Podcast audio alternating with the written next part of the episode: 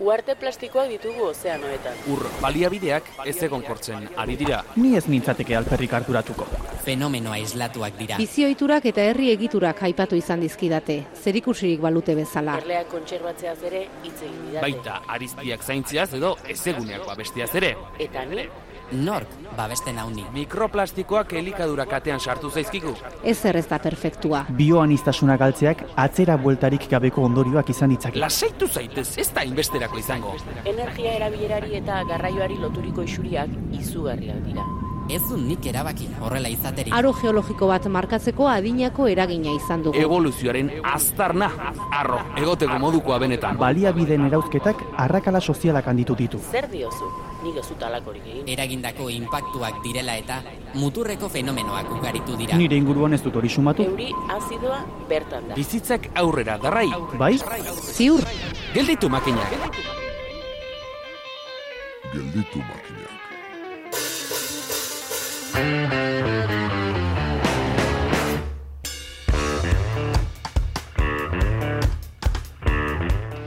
Ez omen dago modu oberik ikasteko erakutsi nahia baino, orduan agertzen direlako norberaren lotxak eta konbentzimenduak.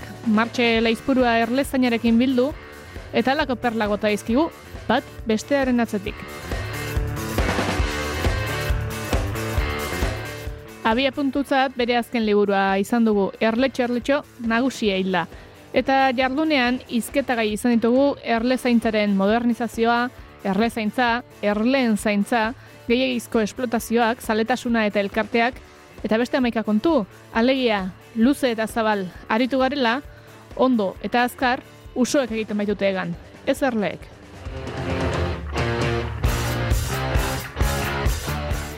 Beraz, ez bat eta ez bi, erleen inguru maritik abietutako atala gelditu makinak saioko laugarren denboraldeko amasei garren hau. Asteragoaz!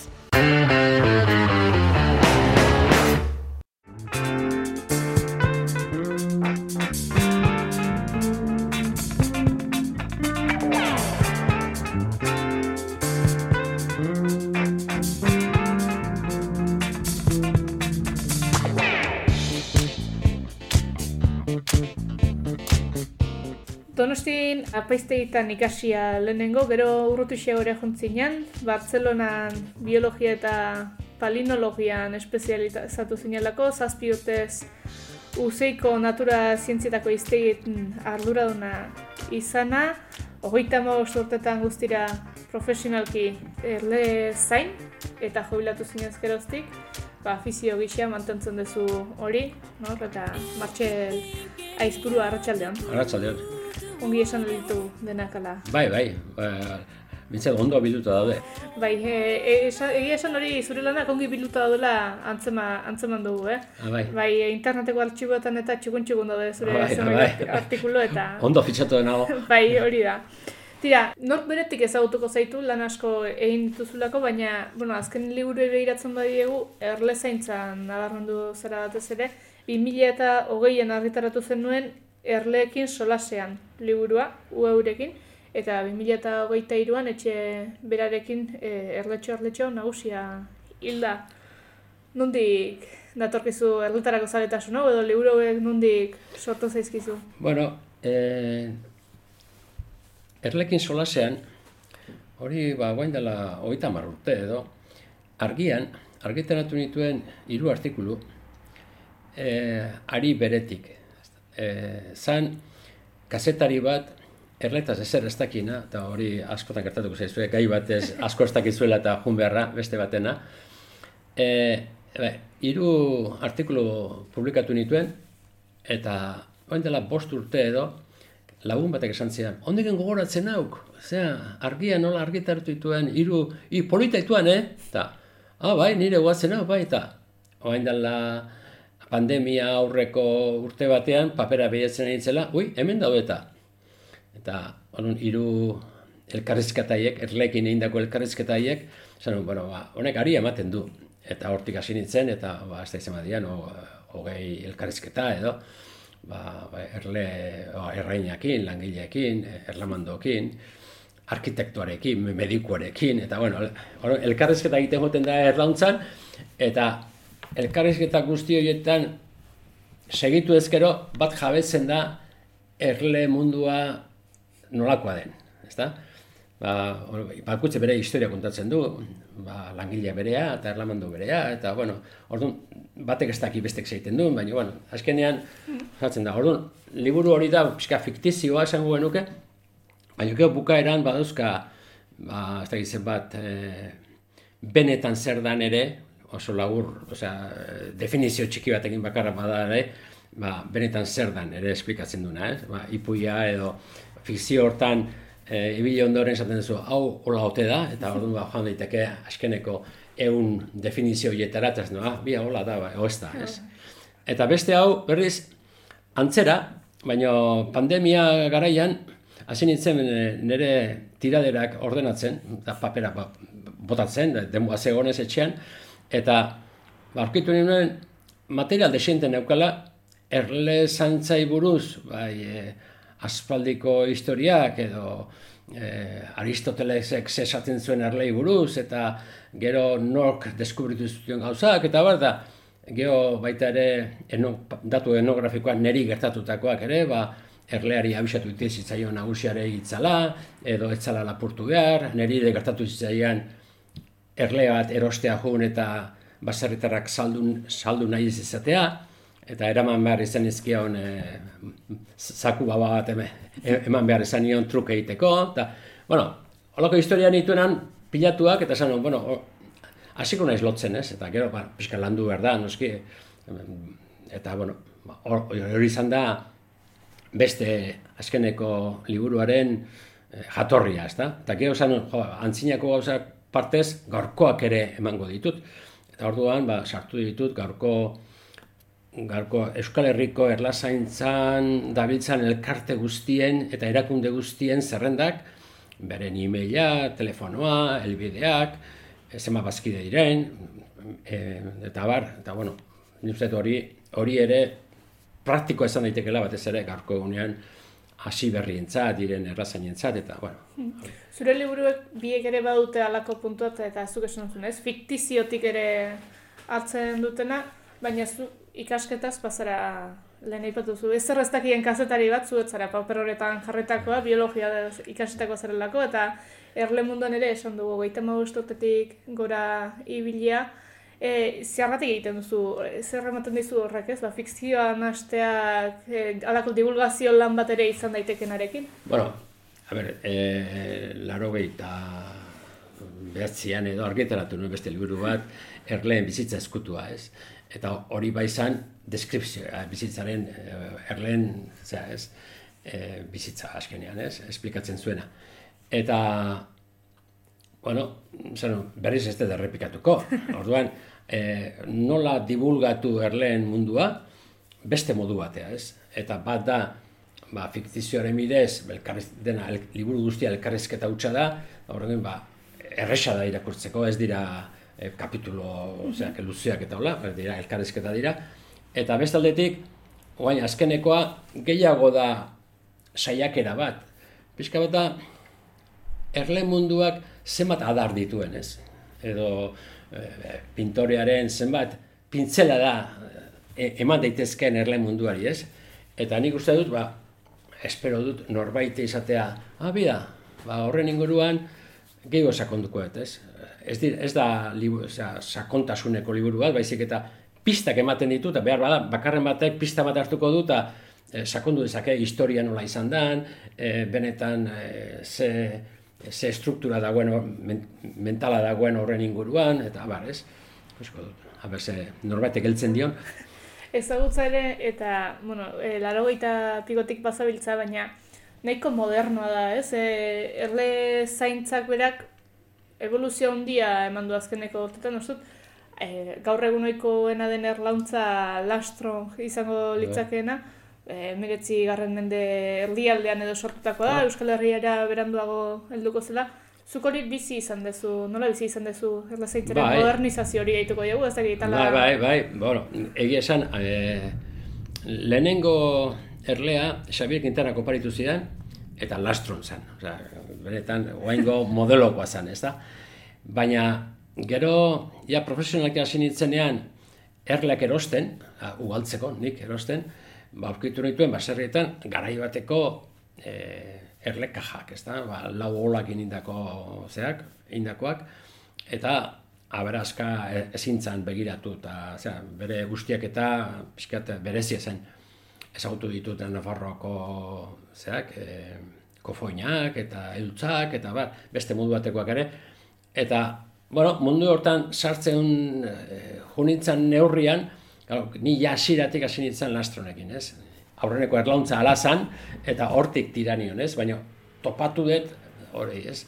Eta gero, laro gehieta sortzian, etorri zen, gaixotasun bat, akaro txiki bat, e, barroarena, eta orduako zai geunden, noz etorriko zen, ze sartu zen e, Katalunia aldetik Espainiara, intzun zarraski karari Espainia guztian, eta betiko gora etorri zitzaigun, orduan zai geunden, eta bueno, ordurako elkartea, Gipuzkoako erlazen elkartea sortua zen, ni nitzenango ardura duen edo, eta, bueno, ordune egin genuen zen plan renove moduko bat, osea, jendeak erlaun zarrak ekartze zituen, eta berriak ematen genizkion, ez.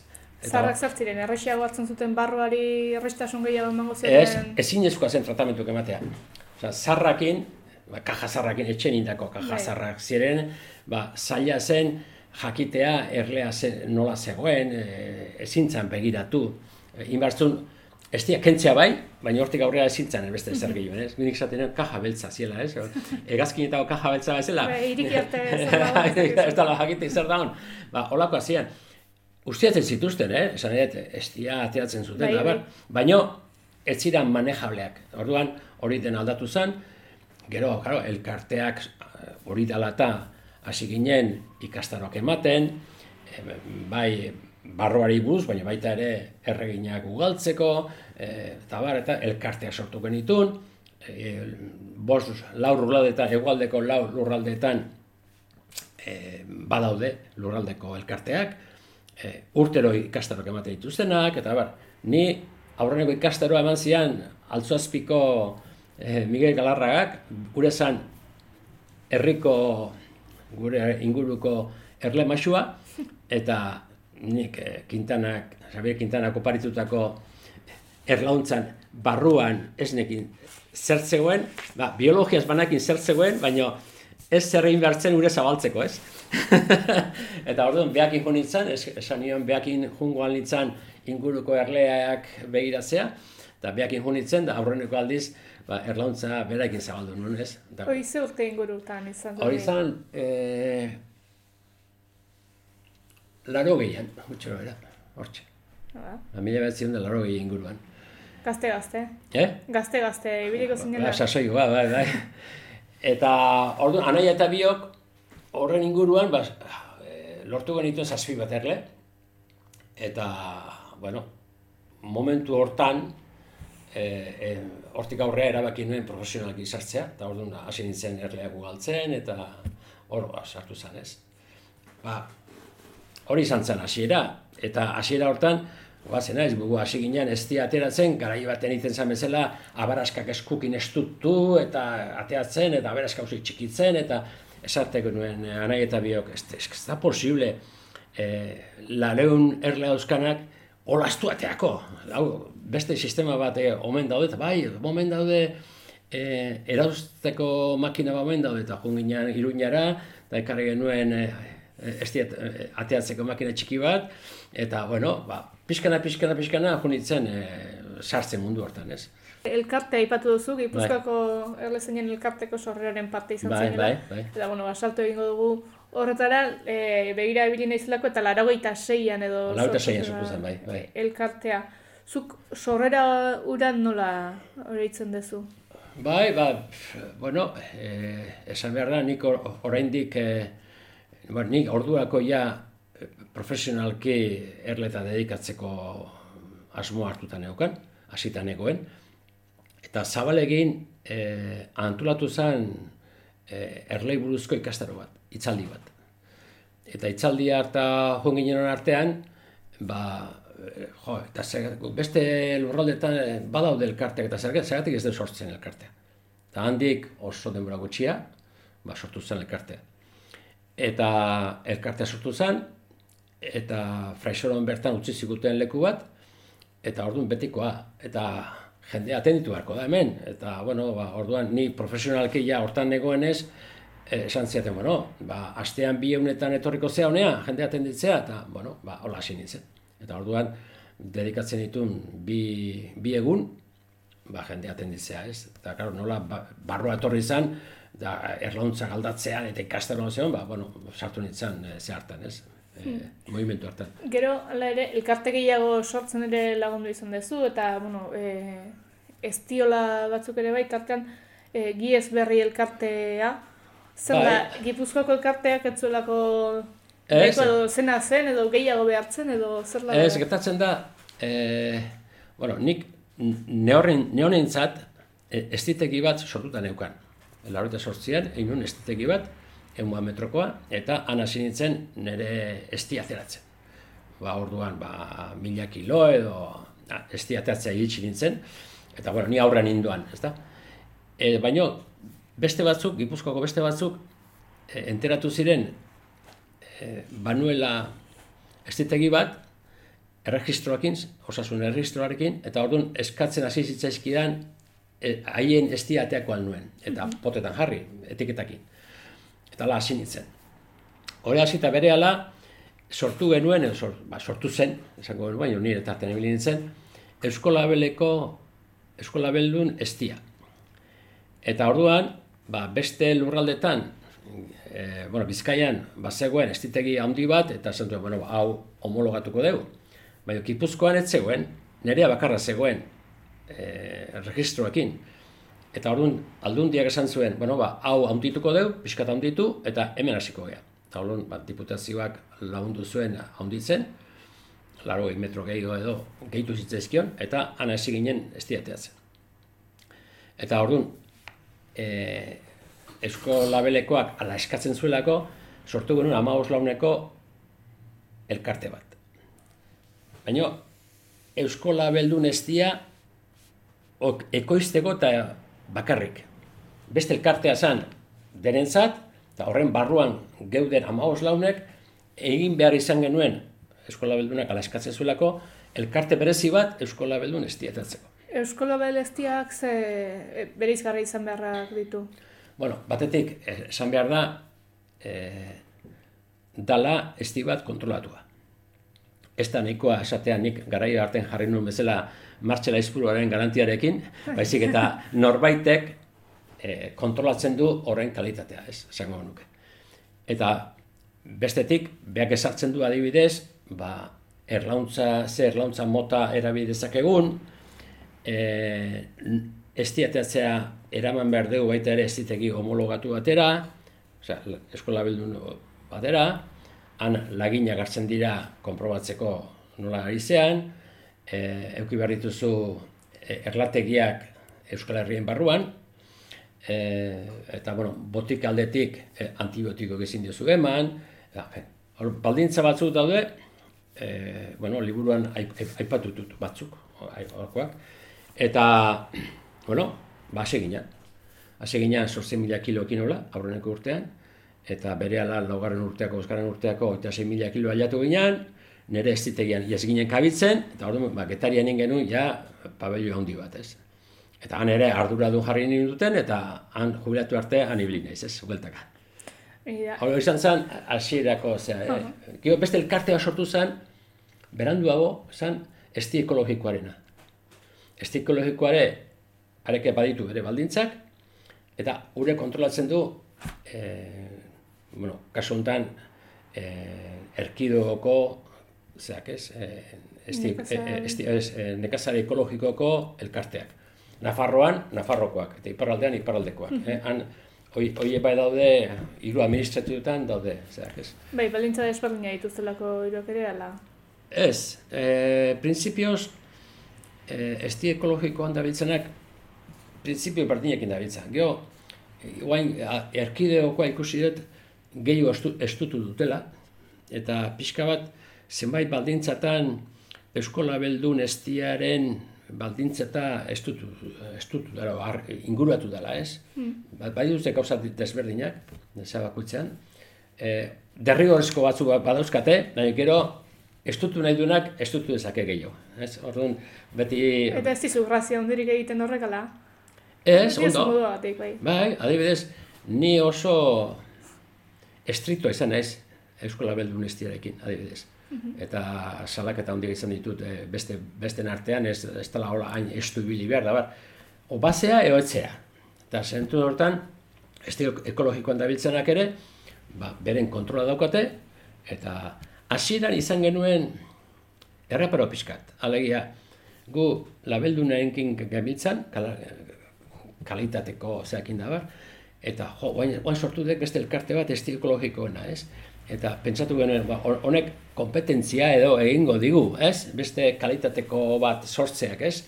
Baina ez, helburu diferentzia dira, eta biak eh, batera bizi izan dira, eta jarraitzen dute, ez? Bakoitza dauka bere, bere ibilera, ez? Nuke.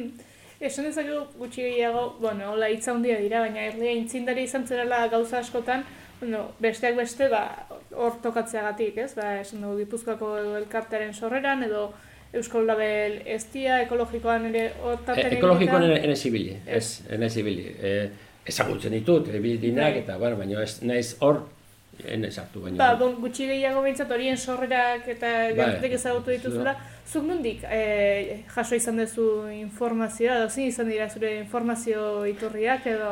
Bueno, ibilian, ez, e, badakizu, e, ikasteko moduiko onena dela erakustea. O erakutsi nahia, ez. Orduan, e, bueno, hasieran, ba, e, erosten dituzu oinarrizko liburuak, ba, maila internazionalan daudenak, ezta, hori erosten dituzu, eta, bueno, oinarria hartzen duzu, ezta. Gero ikastaroak izan ditut, bai, Bizkaiko Erlazain elkartea gurea baino lehenago sortu zen eta ikastaro desente genitunan ikasteko. Eta gero izaten da elkartean egona izenez, elkarteetan egona izenez, jendeak galderak egiten dizkizu. Eta harrapatzen zaitu askotan ez jakinean, ez? Hau, hau galdetu didate, eta orduan saiatzen zea, bilatzen, hitz egiten, besteekin galde egiten, zera ez. Hor adibidez, asesore oso nahi izan dugu e, Bartzelonan, Josep Serra, hori teknikoa zen, generalitateko teknikoa zen, eta arekin harremana oso ondia izan ditut, etengabekoak, gure analisi bai polinikoak, bai kimikoak, eta zer- a- arek egiten zizkigun, edo ari bialtzen genizkion, eta, bueno, ba, orduan, ibilian, ba, ikasi dut, dakidana da, ibilian, eta beti nola egon zen, e, saltza hortan sartuta, baten bestekin da bestekin, eta eztabaidatu beharra askotan kalidadeko gauzak eztabaidatu beharrean ere bai, ba, ba, bai hor sortzen dira arauak, ezta? Eta gero arau horiek alda, aldagarria dira. Orduan, batzuk aldatu nahi dituzte, e, zehatzea, e, pixkat bajatzea pistoia, ezta? Eta beste batzu, ba, eutxi nahia, eta hori izaten da, eta eztabaida hortan afinatzen duzu, ez? Ba, ba, eta erabakiak hartzen ditu, hartu behar ditunak, baina zu ere tarten zabiltza, ez? Eta orduan, ba, ibilean, ba, bueno, ba, baita ere, ba, feriak badaude, Espainia mailan feria handiak er, errezaintzakoak, itzaldi joan, Extremadura sarritan, Guadalajara, eta, bueno, baita ere Apimondiara Frantzia, eta, bueno, ba, juten zea, eta juneaz, zoze ikasten duzu.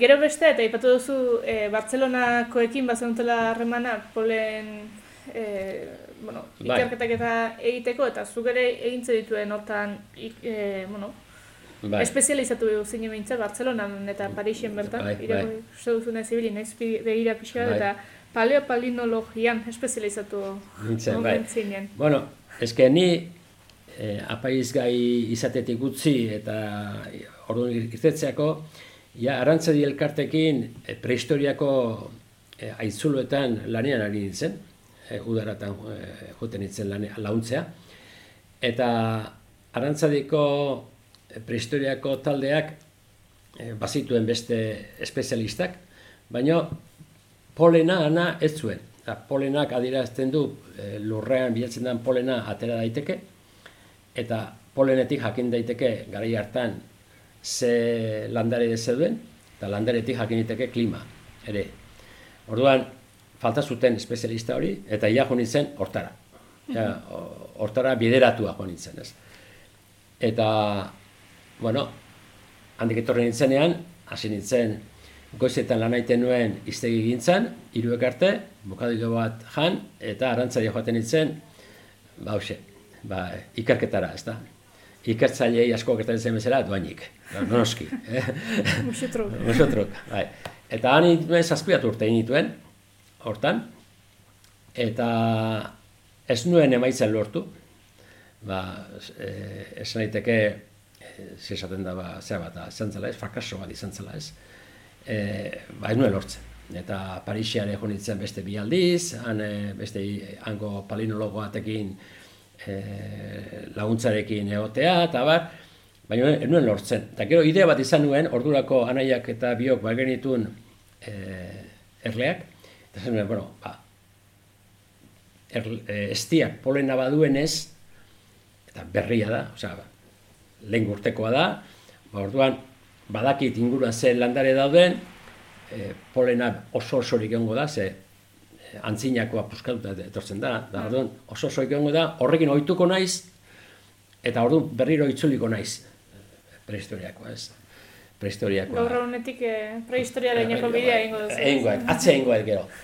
Eta, bueno, ba, gertatu ziren gora bera batzukin, ba, eskenean, bakatu nintzen estiarenakin, eta orduan, e, lehen da biziko nire profesionaltasuneko bi urteak pasan dituen, nire erleek zarautzen eta haian, hankatan ekartzen zuten polena pilotak aztertzen. Jakiteko, ze landaretatik ekartzen zituzten. Gaur egun gainera modan dago, ez? E, polenaren ikerketak egin, o, modan edo ohikoagoa da, lehen milalore bezala seilkatzen zen Bai. estiari, baian ñagardura gehiago ateratzeko edo egiten da. Bai, bai, bai, hori ba, eskola beldun estian, hasiera hasieratik ezarri zen e, e, parametroak, es, eskatzen ziren parametroak Europako gogorrena ziren, mo- momentu hartan. Eta oso zehatzen e, eman da hori. Zea, e, ara, Europako legedi orokorra badago. Baita ere lore bakarrenara, ez? Zuk ez, erromero estia, ez? Baina ez dago espreski hori baizik eta, bueno, eh, erromero esti, ba, zapore pixka balin badauka jarri dezakezu. Da orduan, eh, aurtengo erromero estia eta ur- urrengo urtekoa behar bada desberdinak izango dira, zuretzat. Oi, hau ez da lehen urtekoa. Oain, zehaz mehaz ezartzen badezu listoia, orduan, aurtengoa eta urrengo urtekoa berdinak izan behar dute. Exigentzi maila berekoa balin bada, ez?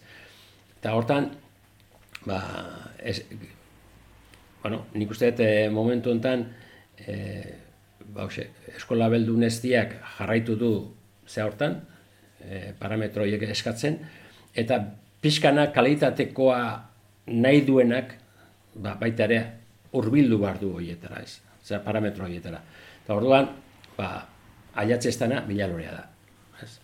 Eta, dio, claro, jendeak askotan egiten du merkatu bat alako estimotarena, eta gero ez du hain ondo onartzen aurtengoa ez dula, maila hortakoa, ez? Eta hor tirabirak izan ziren eta izaten dira, ez? Nola ez dala? Osea, bai, baina bida, ba, analiziak ez du maten. Eta orduan, ba, hain errez ez da onartzen hori, ez?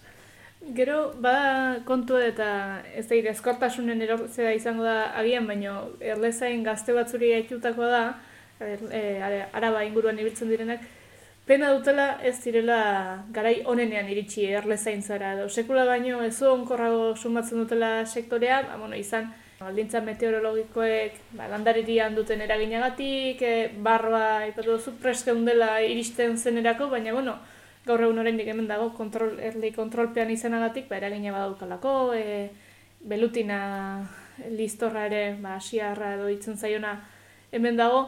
Bueno, hori dena nola ikusten duzu edo nola ikusten duzu zentzu hortan, gaur egungo baldintzetan zer moduz dagoen erdezaintza. Bai, ba, a ber, barroak eh, jarraitzen du gerra asko ematen eta lehen baino gehiago. Ze pixka bat gure tratamentuekin da bar, ba, pixka bat e, pixka, e, oraindik erasokorrago bihurtu da. Eta ordu, lehen tratamentu bat egin nahikoa zen, eta orain bi edela hiru eman behar dizkio urtean. Ba, deskuidatzen balezima, deskuidatzen bazara galdu iten duzu, ez? Gero listorrarekin gauza behar gertatzen da. Igual araban, eh, leku lehorretan eh, erresago libratzen dira, belutinakin, e, dirudienez belutinak gehiago jarratzen ditu errekak, ibaiak, e- ezeguneak, eta orduan leku lehorretan pixka librego daudela ematen du. Baina bai, egia da, e, momentu honetan, bi kasutasun horiekin da, bai badagoela, bai, arazo bat, batez ere txikientzat. Ba, Txikientzat esan nahi dut, dozen erdi bat erle balin bazkazu, eta urtero borrokan hili behar duzu, eta, zera, eta hiru galtzen baitezu, ba, eta aurten ez dakit, la, iaz e, listorrak e, asko galdu zituen. Ba, listorra esaten da, baina, claro, listorra ere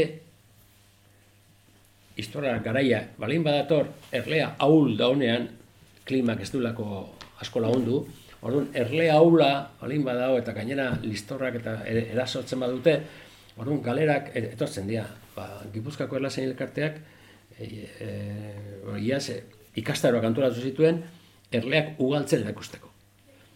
Erlazain handiak badakiten orain behar den hori, baina hasi barriak askotan ez dakizki, eta orduan, ba, seitik iru galtzen baditu, desmonalizatzeko arrisko handia dago, ez? Orduan, ba, ikastaro bereziak eta eman dira, ba, hori berreskuratzeko, eh? ba, trampakin eta sareekin eta eh, ahi dira, ez? Momentu enten zozein nahian, baina oraindik eh, horrek gerra ematen du, urte baten asko, bestean gutxi, baina ba, Gero hor bada beste kontu bat eta pixka bate arantza sartzeagatik izango da, baina e, erlezaintza badago gehien bat bidera gaur egun ez di ekoizpenera.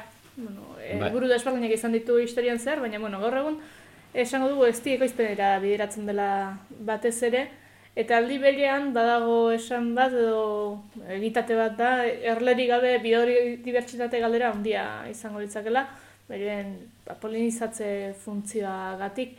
Hor, ez degi zenbateraino den kontrajarria praktika hori, alegia animalia bat e, baldiatzea ekoizpen baterako, bere ez dia erauzteko, eta ez egitea planak, ba, erlea ugal edo babestua izan dadin.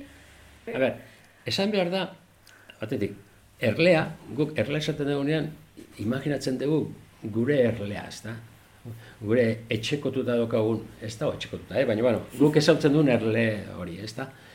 Esan behar da, e, munduan hogei mila espezie erle daudela. Erleak, eh? Erleak. Eta Europan bost mila edo eta gure artean dira, lareun bosteun, erle mota, ez? E, erle horiek ere polinizatzaile dira, baina ez dira erlea bakarrik. E, insektoak momentu honetan e, paperean izenda apelidukin jarrita daudenak dira milioi bat. Baina jotzen da beste milioi bat gutxien ez falta dela ezagutzeko. Eta horietatik eren bat, alegia, ezautze balin badira milioi bat, irureun mila, dira polinizatzaileak. Bizka bat, e, zatzeko, ez? Getatzen da, e, polinizatzaile, insekto polinizatzaileak, eta erle polinizatzaileak, erleak, esan dutuen e, bos mila bakartia dira. Alegia, bakarka, bizi dira, e, ernaltzen dira, arrautza jartzen dute janariakin eta hiltzen dira. Eta beti da bat. Ez da familia handi bat sortzen gure erlekin bezala, ez. Horre baditu bere, bere eraginak ba, polinizatzeko garaian, ba, sagaztiak eta erlea, lore asko da on momentuak eta bar, ez. Orduan, e, guk ez dugu, a ber, esateko, erlea gate irikita dauka beti, egia da, trasumantzia egiten dutenak, loreti lorea eramate dituztela, erleak, Zan edo hemen kolorea bukatzen denean eramango dute Nafarroa edo Burgosea edo zer emango dute, eh? beste toki batea, araba eramango dituzte, eta hangoa beste toki batea, eta bar, Baina, nik ez dut uste, ha, e, beste aziendakin gertatzen dena ez dela gertatzen. Alegia, e, ez di urte txarra balin badeu, e, guk ez dugu, guk ez dugu janik ematen ez di gehiago egiteko. Gehien ez emango dio ez hiltzeko. Eta barrua torri zanetik, gure espeziekoak, eh? Apis melifera, iberiesi, guain enku dako hori, e, erle basati guzi gildira. Ez dago, Ez da, ez dago. Euskal Herrian edo Europa edo- osoan. Ez dago. Ze pasatzen da? Gure erlauntz batetik erlakumea irtetzen bada, behar bada sartzen dira pareta zulo batean, edo zuaiz zulo batean, baino barroa galtzen ditu, handi urte betea biak galtzen ditu. Eta orduan, berez, gure espezie ontako erleak, gure zaintzapean daudena bakarrik daude, momentu honetan, eh? Ze besteak galdu dira. Orduan, zentzu horretan, eza, ba, utzi zue bekasa, ez da gabe, ba, ba, seguru asko, oringo bagenu, ba, seguru asko zulon batean, egongo da genetikoki, barroaik kontra iteion, lehen bat, e, baina beste guzik alduko liateke. Osea, pasako genuke, e, ba, denbora luze bat, zei gabe. Oain, e, Gipuzkoako Belazain elkartean ere, orai dira, e, Erbel, ekin eh, beltzaren, beltzarek berak, bai, bueno, ba, o, ba, erle beltza, peninsula guztiko erle beltza da, eh? Baina, bueno, hor, elkarteak erle beltza izena jarrita dauka. E, eta orai dira, hobekuntza genetikoa egiten, ia, e, batez ere hain erasokor izan ez dadin, alde batetik, baina beste aldetik e, garbizalea izan dadin, Hala, zenbat erdea garbiagoa den eta zenbat eta barruko gaixotasunak eta ziginkeria kanpoatatzen dituen, ba, e, osasun aldetik e, sanoa da, tratamentu gutxiago beharko luke geroa, seguru asko, eta orduan, ba, hortetik ere aidia hobekuntzen, ez? Baita ere, ekoizpen aldetik. Orduan, zentu horretan, Gipuzkoan dagokionez, Gipuzkoako erlazain txikia trasumantze egite ez duena, etxe ondoan dauzkanakin, egi esan, ez di ekoizpena baino, nik uste, errentagarri gala momentu honetan propolia. Uste dut. Zeatik, propolia ekoizpen nahiko segurua da, eta ez dia egualdi txarra egiten du, beste egiten du, zera da klauzu. E, Claro, jan egiten du, erleak ere behar bali modu jan egiten du ez dia. A ber, erlauntz batek, indarrendan batek, behantzat, berarentzat, urtean behar ditu irureun kilo esti. Behantzat. Eta Gipuzkoan batez beste hamar kilo oso batez beste gona da. ba, esan dut, erleak behantza egiten du. Orduan, ba, urte txarra dalako, erlea indartzu ez dalako egon, erreina zarra dalako, zerra pasa dalako, umea bota du, eta gero ez da berreskuratu, eta bar, eta udazkenean janik espadin badu, ba, jana martzaio. Eta guain, listorrarekin ere jana matea areagotu egin da, ze e, listorra aurren da honean, erlea ez da lanea irtetzen, bildurrez. Eta janik ez bada sartzen, erregina garrotza iteri utzi iterio. Eta orduan, e, erlea, erladia, esango nuke, barruko, zera, ba, gutxitzen moten da. Eta orduan, negua sartzen da, kaskar. Orduan, e, nola gu esaten dugu, ja, e, estia kendu jo zeunean, ze Gipuzkoan ja abuztuan kendu diteke estia, eta zera, ba, jana jarri behar diozu, jana hori jaten nahi dela eta er, antabien movimentuakin, ea erreginak arrautzeitei ez dion uzten. Pixka bat trampeatu egin behar duzu, ba, hoxe, ba, dauzkagun gaitzei aurreiteko, ez. Horretik esan dizut, e, ez dala, ez dala ustiapen bat, behi baten ustiapena bezala. e, osea, era bat desberdina da, azkenean, behar nahi du egiten du. Bai, eta ez ezagunago da gian, ez? Eta horretik ere dauzkain beste Bai. historia erlearen e, inguruan. e, animal, an, animalistan aldetik eta entzun ditugu kritikak, ez? Ah, bai. bai, ba, a ber, egia esan, guk bideratzen dugu bere jokabidea, nola eoala, ez da? Baina eskua lotu da dauzkagu. Osea, ez da, ezin, ezin dugu pentsua eman, ez diaiteko. E, jana jartzen badigu da, hiliz dadin. Ba, udazken txarra dalako, edo, zera, ez? Eskenean, zentzu horretan, konbibentzi nahiko Baten bat ere ongo dala ere, ez? E, ez di gehi egiten du eta gero eman beharko zaiona. Bai, ez hori esan duzu bezala bere erreserroak direlako. Bai, hor- hori gertatzen zaigu. Osea, e, aiatzen da momentu bat, ba, hemen e, Gipuzkoan, ba, abuztuaren bukaeran edo, estiak kendu behar diozu, eta estiak kentzen diozu, dauzkazu, estia eiteko daukazu pieza berezi bat elauntzen gainean, ez? Altza, ez da, altza ematen duzu, ateatzen duzu, eta gau, kontatzen zera, ba, janik ez dakoala, ez? Orduan, oso gogorra da, atea duzun estia bueltatzea, ez?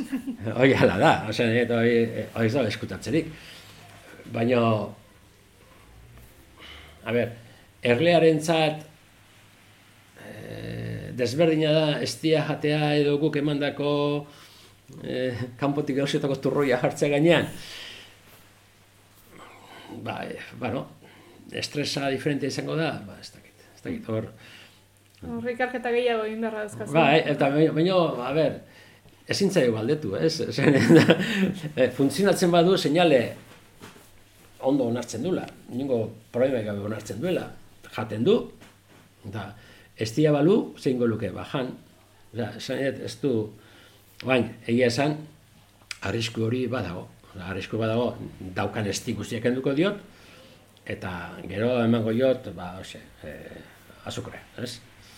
Baina, bueno, Bueno, hori gero animaliari berari ere igarriko zaio. Claro, hori esaten dut, ba, ez badu jaten da, ez badu funtzionatzen da, oruna, oza, orduan, oain gaurko honen janariak ere badatoz eh, aberastuak. Zer, guk lehen garai baten, ni hasi nintzen ere, azukre ematen genion, urakin astu, eta ematen genion, berala, baina guain datoz polenakin aberastuak, ez dakizenekin aberastuak, eta bar, ez? Orduan, estiaren antzekotasun gehiena daukana, eman behar dezuenean, ba, mentzat emateko, ba, o, zer bat ez. Horrela, esan da, e, erle zaintzari lehen pixka dizketan aritu garelako ba, ze arrisku dauzkan, edo bueno, nola dagoen gaur egungo erle zaintza, baina ez ditugu aipatu eta agian zuk identifikatuago izango dituzu, ze erronka ikusten dizkiozu erle zaintzari, edo ze, zeri begira jartzea gustatuko litzaizuke. Nik uste dut, momentu honetan, e, liburuan aipatzen dut, ez? 2000 erlazain nengo dira. Eta, Herrian. Euskal Herri osoan. Eta erlazain horietatik profesionalak ba, dozena bat izango dira. Gehi bestia izango. Eta egun da berrogeita hamar erletik gora dauzkatenak, ba, laroi bat. Eun, asko jota, honek datuak egon ditezke Bai. jaso gabekoa, ba, eun lau. Eta horren zan nahi du, 2000-tik, ba, 1000 eta behatzireun, direla zaletasunez, jobistak. Orduan, e, gure erlazaintza mantentzen du jobismoak. Orduan, egin behar dena, jobismo hori mantendu. Orduan, jobismo hori mantentzeko, ba, ona diren gauzak e, bultzatu behar dira, ez? Ba, batetik baita ere, ba, erleguna, e, ez dakit nola, lehiaketak, e, ferietako zeak, baina, gero, oinarri oinarrian da, elkarteak indartzea. Hoiek momentuz behintzat, ba, euneko laro gehion, daude aldundiaren subentzioz eh, mantenduak. Eta horri, fuerte heldu behar zaio, nik uste oain ematen zaio baino laguntza gehiago eman beharko litzaiokela. Hoiek mogitu behar dute sektorea. Eta gaina, denak daude han, e, nola egoala e, bazkide, ez? Ba, botikak erandi banatzen dira, e, zera, e, ikastarok handik ematen dira, orduan, eta profesionalago diren horiek, ba, elkarteetan beharko luke bultzatzaile. Oitzaldiak emateko, edo ikastarok emateko, edo zuzendaritzen egoteko, edo, osea, eske, sektore bat profesionalik gabe oso aula da. Eta, bueno, profesional batzu bat daude, naiz eta gutxi, naiz eta egun berrogeita hamarrekoak, tigorakoak, ba, ehun izan, bueno, ba, lurralde bakoitzean balin daude, hogei bat edo zea, ba, bueno, hogei horiek eh, ezagutzen dute ze problematika dagoen. Ba, Lau erle eta berasteiko baso baten daunak, ez du behar bada, ez da konturatzen ze problematika da hon zabala, baino, egun da berro eta marrele euskana konturatzen da, ze kostatzen zaion, ze pasatzen dan, e, e, erleak galtzen ditu, ez du galtzen, ze kasutasun eskuertan da, da bizkin, ari importa zaio. Orduan, lehen, e, hori izan ziren iztelu batzutan, kontra jarri egiten ziren, ez? Bizka bat, profesionaletik juna izutenak, eta e, jogismotik zatu nahi zunak, ez? Eta nik uste dut, bat osagarre direla, eta elkarteak izan beharko luketela bien e, biltokia, ez? Eta nik uste horti ikusten, erronka horti dago. Elkarteak izan daitezela sektorearen biltoki. Eta, eta duzu agian profesionalek gauza gehiago ikusiko dituztela eta, eta bada beste puntua duz zaitez, jakin mina eskalatzen dizut, e, ekologista asko eta ari dira mugitzen, ba, bai erako, ba, eukaliptadia gero eta gehiago direlako, pinudiak, horrek, e, ze eragin dauka erle zaintzan edo erlearen gan, ez, e, gero ekologikoan badakit, hiru kilometroko radioan edo ezin dutela e, errepide nagusirik izan edo industriarik edo eta ekologismotik ere begira ez, ba, ba batetik baduelako plantazioak eta monokultiba, baina bestetik lurraren artifizializazio bat ere salatzen ari delako eta horrek ezin bestean airez mugitzen den animalia bati ere indarko dio. Bai, bai, hori, a ber, batetik eh, gure ingurumenari ematen aigean jipoiak eragin zuzena dauka erresantzan. Eh, alde batetik, esango genuke, eh, alde honak ema ditu, eh? Ez que hemen jendeak bakuitzak zatzen du. Nik uste, bizkai aldean adibidez, erlasainak kejatuko liatekela eukalitu guztiak endu kendu ezkero, ez? Bai. Ba, ez, eukalituak estia ematen du, eh? Espezie batzuk ematen dute estia, ez? Orduan, eukalitu estia lortzen dute batzuk. Baina, e, e, nik uste dut, oroar, e,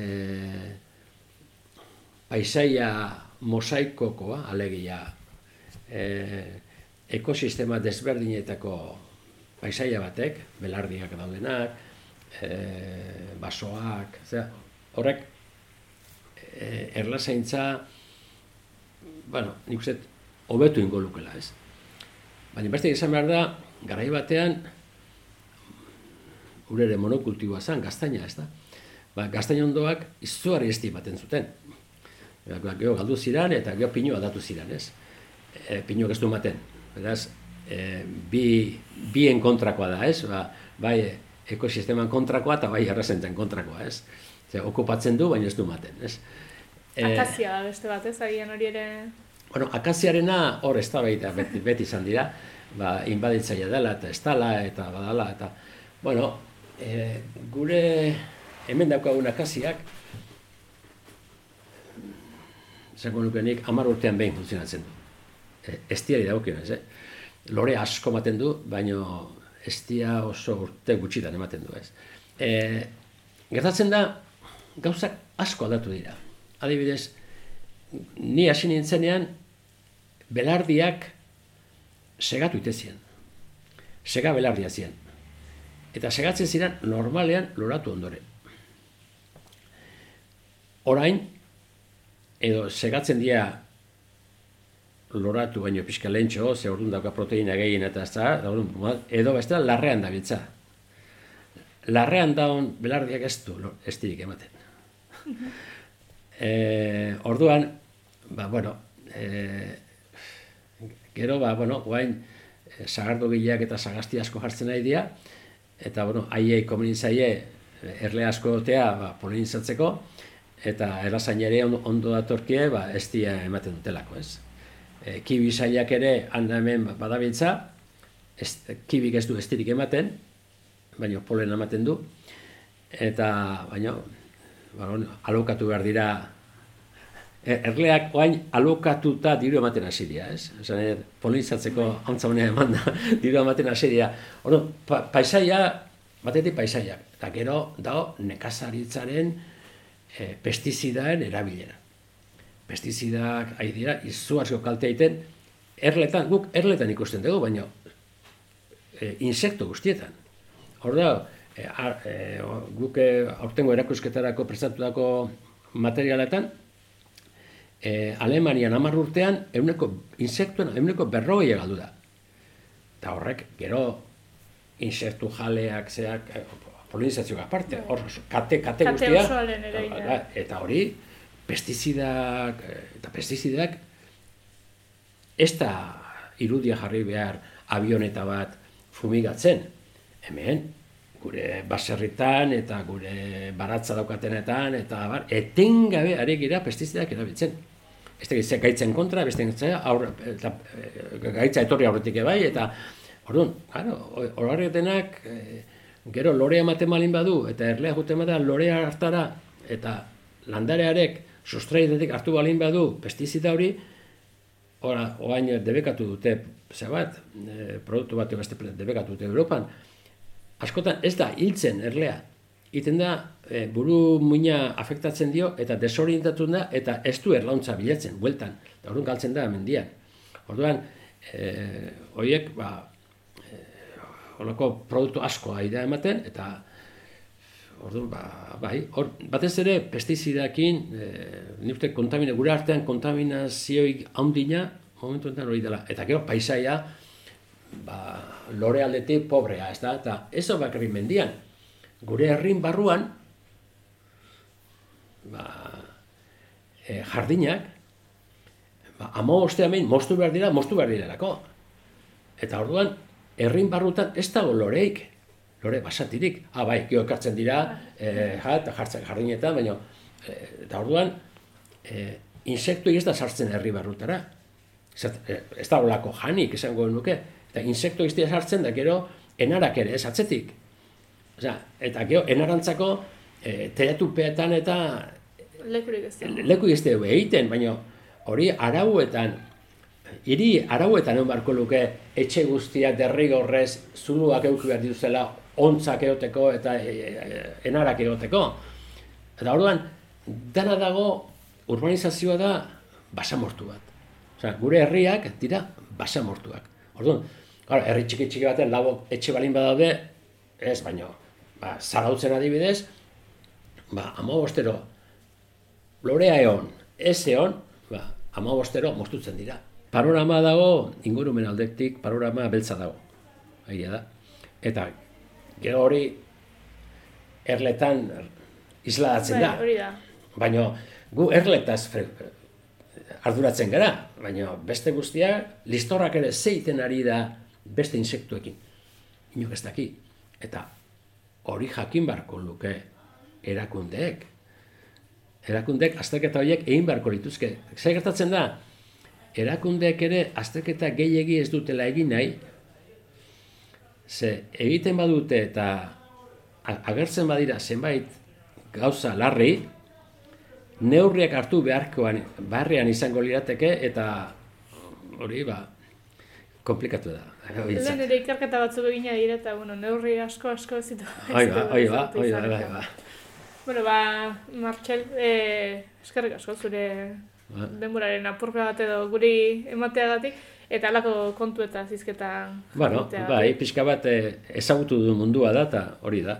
Baziru dien, eh, azkeneko liburuarekin, ez, erletxe, erletxe, nagusia hilda horrekin, ja, es, esateko modu bat zela, onaino iritsi da nire erlezaintza, baina argi ikusi dugu ez ez. Ez, guain za, ari naiz, e, e, bueno, nik 2008an jarri nuen martxan e, web horri bat, erle produktoi buruz, eta hiru aldiz jakeatu diete, eta hiru harrengoan ea, enun berreskuratu, eta guain beste za batean, beste dominio batean, ari naiz, artxibo zarretatik gauza bildu eta pixka bat osatzen ari naiz, baina, ba, Zure web horrira ere barroa sartu zaizu behintzat, beste nola Bai, bai, bai, bai. Bat. Ba, karon bat, bai, estado batuetako ziak edo. Ala gore bai izan. Bueno, ba, ba, eskerrik asko eta ea, artxiboetatik eta lortzen duzun beste zerbait Ba, egitea. erki. Gu adi biliko gara bintzat. Eskerrik asko. Ba, eso, eh, vale. Gelditu makinak.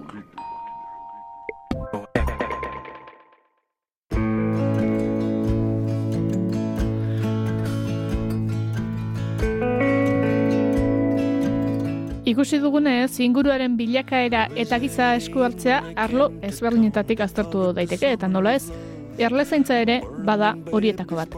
Aizpuruarekin hitz egiten hasi eta askoz gehiagorako ematen duen arren, orlua gainera etorri eta hementxe itxiko dugu gure erlauntza. Babesean ebili entzule.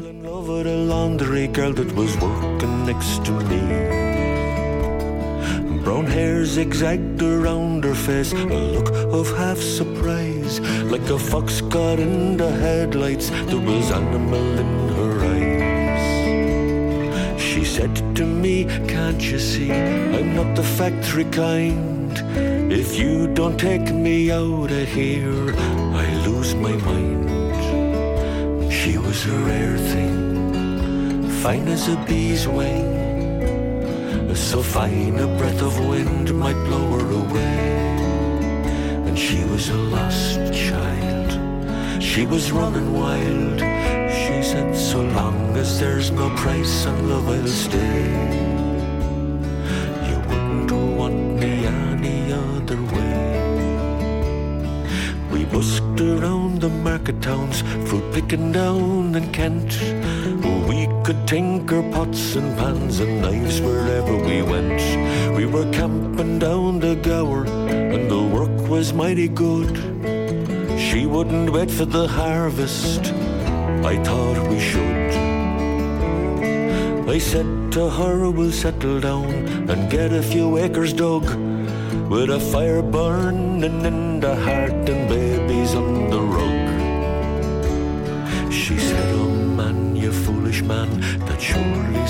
like hell. You might be lord of half the world, you'll not own me as well. She was a rare thing, fine as a bee's wing. So fine a breath of wind might blow her away. She was a lost child. She was running wild. She said, So long as there's no price on love, I'll stay.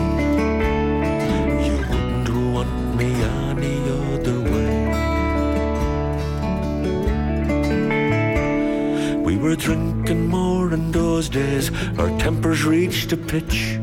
Like a fool, I let her run away when she took the rambling itch. At the last I heard she's living rough Back in the Derby beat With a bottle of white horse in her pocket A wolf found at her feet And they said that she got married once To a man called Romany Brown Even a gypsy caravan was too much like settling down They say her roses faded Rough weather and hard booze Maybe that's the price you pay for the chains that you refuse. Oh, she was a rare thing, fine as a bee's wing. I miss her more than ever words can say.